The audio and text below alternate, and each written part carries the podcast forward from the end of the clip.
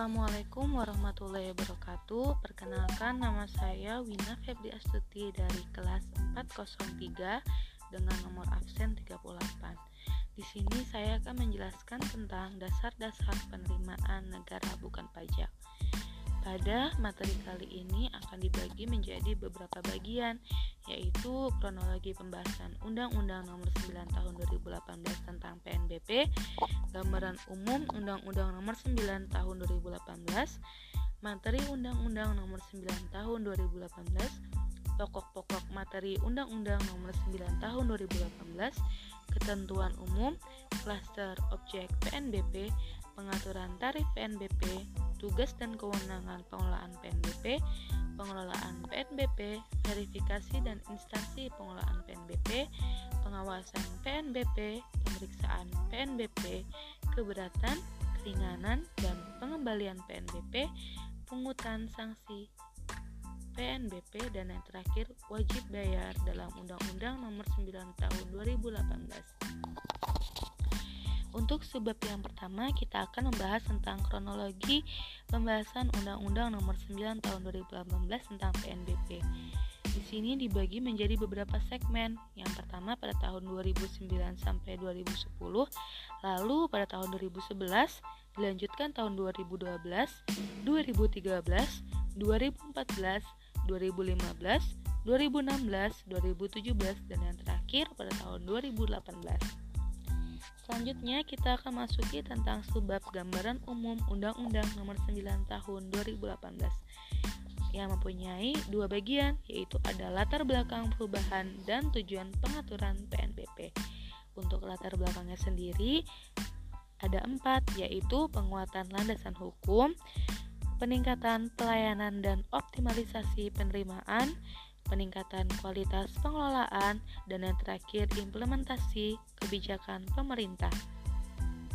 Selanjutnya, tujuan pengaturan PNBP yaitu menghimpun dan optimalisasi sumber penerimaan negara, mendukung kebijakan pemerintah untuk kesejahteraan masyarakat, mendukung tata kelola pemerintah yang baik, dan yang terakhir, menyederhanakan atau mengurangi jenis dan tarif PNBP khususnya terkait layanan dasar tanpa mengurangi tanggung jawab untuk tetap menyediakan layanan dasar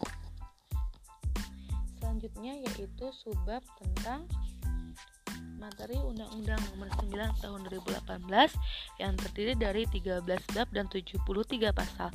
Yang pertama ada ketentuan umum, objek dan subjek PNBP, tarif dan jenis PNBP, kewenangan pengelolaan PNBP, pengelolaan PNBP, pemeriksaan PNBP, keberatan PNBP, keringanan PNBP, pengembalian PNBP, ketentuan pidana, ketentuan peralihan, dan yang terakhir ketentuan penutup. Lalu ada pokok-pokok materi Undang-Undang Nomor 9 Tahun 2018 yaitu ada klaster objek PNBP diatur dengan pasal 3 sampai 4, ada pengaturan tarif PNBP pada pasal 6 sampai 14, ada tarif sampai dengan 0 pada pasal 13, ada tugas dan kewenangan instansi pengelola yaitu pada pasal 15 dan 18, pengelolaan PNBP pada pasal 20 sampai 46, verifikasi PNBP terutang pada pasal 27, pengawasan PNBP pada pasal 45 sampai 46, pemeriksaan PNBP pada pasal 47 sampai 57, keberatan keringanan pengembalian PNBP pada pasal 58 sampai 65 ada sanksi pidana pada pasal 67 sampai 68 dan yang terakhir hak serta kewajiban wajib bayar. Selanjutnya adalah ketentuan umum atau definisi. Menurut Undang-Undang Nomor 27 Tahun 1900 97 PNBP adalah seluruh penerimaan pemerintah pusat yang tidak berasal dari penerimaan perpajakan. Sedangkan berdasarkan Undang-Undang Nomor 9 Tahun 2018, PNBP adalah pungutan yang dibayar oleh orang pribadi atau badan dengan memperoleh manfaat langsung maupun tidak langsung atas layanan atau pemanfaatan sumber daya dan hak yang diperoleh negara berdasarkan peraturan perundang-undangan yang menjadi penerimaan pemerintah pusat di luar penerimaan perpajakan dan hibah serta dikelola dengan mekanisme anggaran pendapatan dan belanja negara. Lalu kita masuki pada klaster objek PNBP. Klaster objek PNBP sendiri dibagi menjadi beberapa bagian. Yang pertama adalah klaster pemanfaatan sumber daya alam, klaster pelayanan, klaster pengelolaan KND, lalu klaster pengelolaan BMN, klaster pengelolaan dana, dan yang terakhir klaster hak negara lainnya. Untuk pemanfaatan sumber daya alam sendiri, objek PNBP terdiri dari bumi, air, udara, ruang angkasa, dan kekayaan alam yang dikuasai oleh negara. Lalu untuk klaster objek PNBP pelayanan, yaitu dengan adanya penyediaan barang, jasa atau pelayanan administratif yang menjadi tanggung jawab pemerintah. Selanjutnya ada klaster objek PNBP tentang pengelolaan KND merupakan kekayaan negara yang berasal dari APBN yang dijadikan penyertaan modal negara atau perolehan lainnya.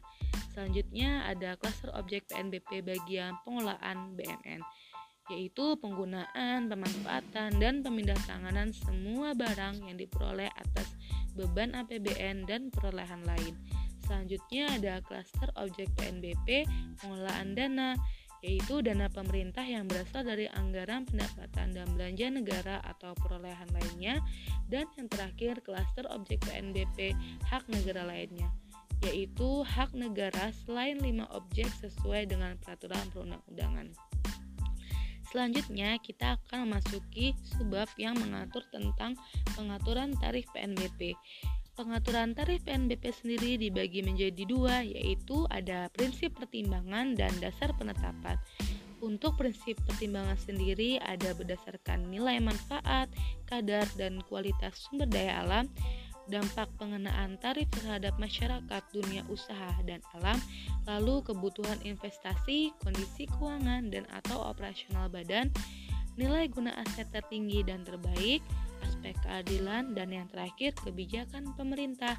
Sedangkan untuk dasar penetapan tarif PNBP dibagi menjadi enam, yaitu berdasarkan pemanfaatan sumber daya alam yang terdiri dari undang-undang, kontrak, atau peraturan pemerintah, lalu berdasarkan pelayanan yang terdiri dari peraturan pemerintah atau peraturan menteri, pengelolaan kekayaan negara yang dipisahkan, berdasarkan undang-undang dan atau dalam rapat umum pemegang saham.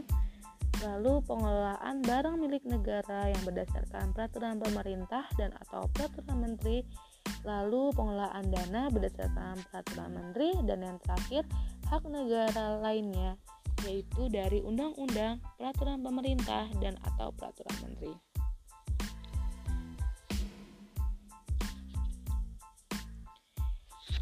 Selanjutnya kita akan membahas tentang tugas dan kewenangan pengelolaan PNBP.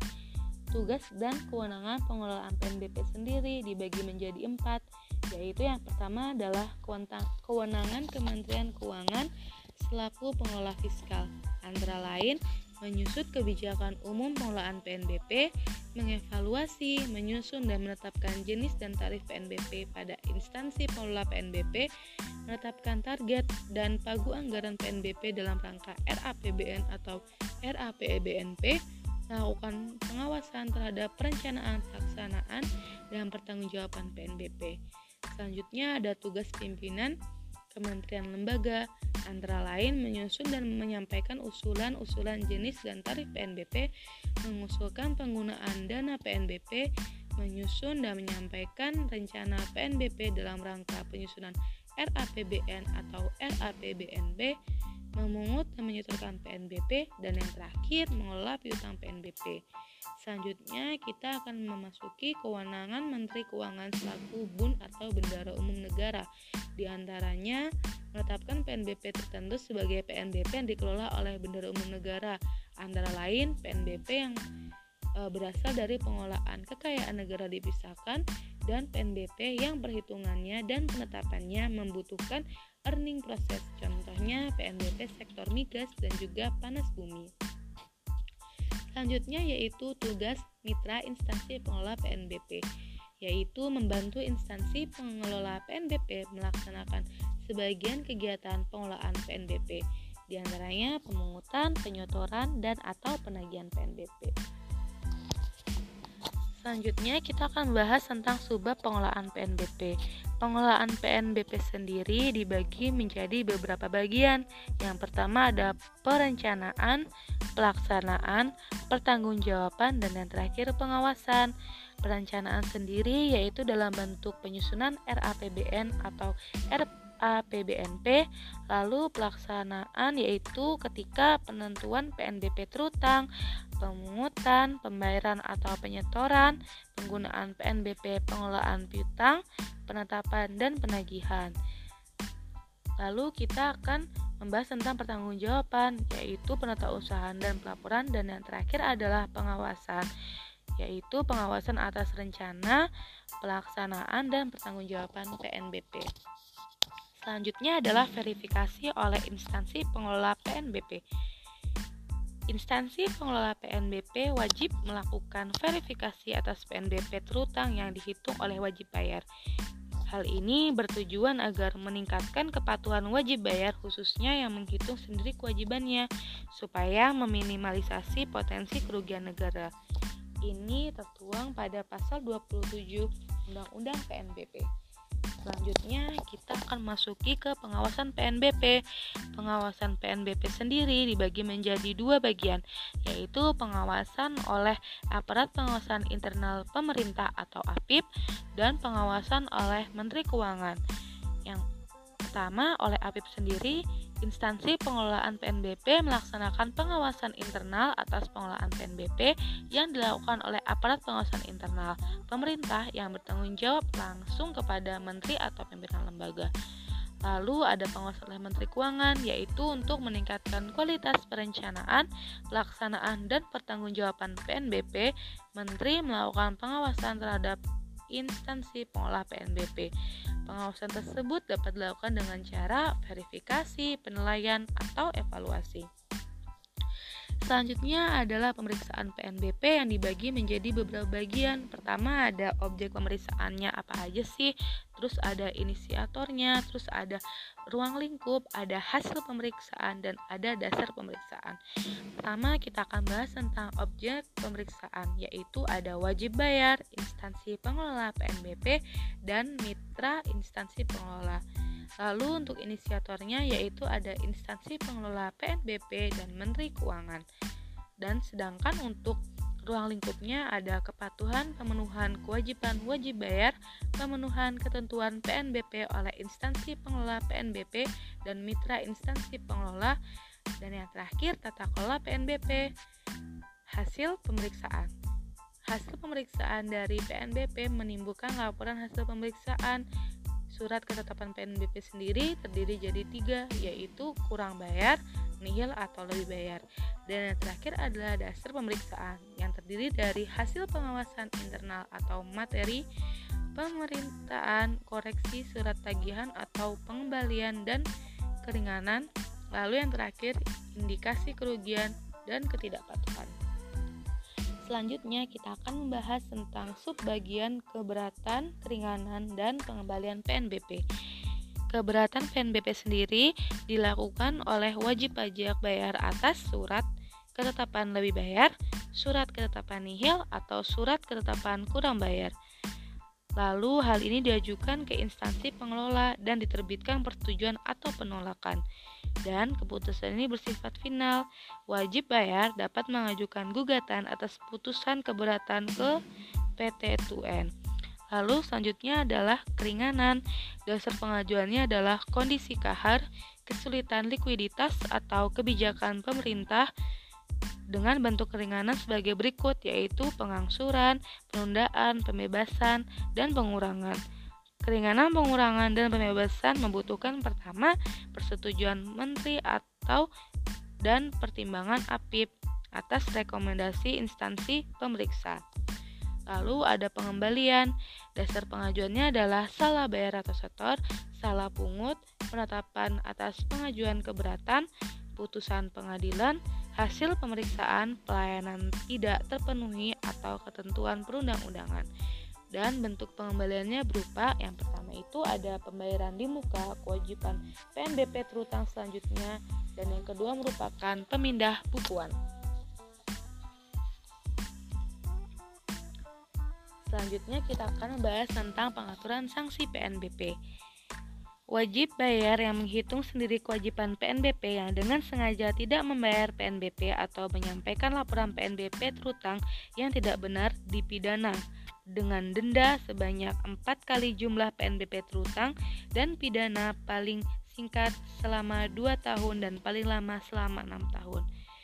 Dan setiap orang yang dengan sengaja tidak memberikan dokumen, keterangan, dan atau bukti lain yang dimiliki atau memberikan dokumen, keterangan, dan atau bukti lain yang dimiliki namun isinya tidak benar, maka akan dipidana dengan pidana denda paling banyak 1 miliar rupiah atau pidana kurungan paling lama satu tahun. Dan kita akan membahas tentang sebab terakhir yaitu wajib bayar dalam Undang-Undang Nomor 9 Tahun 2018. Wajib bayar dapat mengajukan permohonan koreksi terhadap surat tagihan PNBP kepada instansi pengelola PNBP atau mitra instansi pengelola PNBP. Yang kedua, wajib bayar dapat mengajukan keberatan kepada instansi pengelola PNBP. Lalu, wajib bayar dapat mengajukan permohonan keringanan PNBP dan yang terakhir, wajib bayar dapat mengajukan permohonan pengembalian PNBP terutang kepada instansi pengelola PNBP. Sedangkan untuk kewajiban wajib bayar sendiri antara lain kewajiban bayar menghitung PNBP terutang untuk PNBP self assessment. Yang kedua, wajib bayar membayar PNBP terutang ke kas negara paling lambat pada saat jatuh tempo. Lalu wajib bayar yang menghitung sendiri PNBP terutang wajib usahakan PNBP. Yang keempat, wajib bayar menyampaikan lapor laporan realisasi PNBP dan laporan PNBP terutang kepada instansi pengelola PNBP dan yang terakhir wajib bayar memberikan atau memperlihatkan menyampaikan dokumen keterangan dan bukti lain yang diminta oleh instansi PNBP. Baiklah, kita sudah berada pada akhir sesi pembahasannya. Maka saya mengucapkan uh, salah hilaf mohon maaf jika terdapat salah-salah kata. Terima kasih.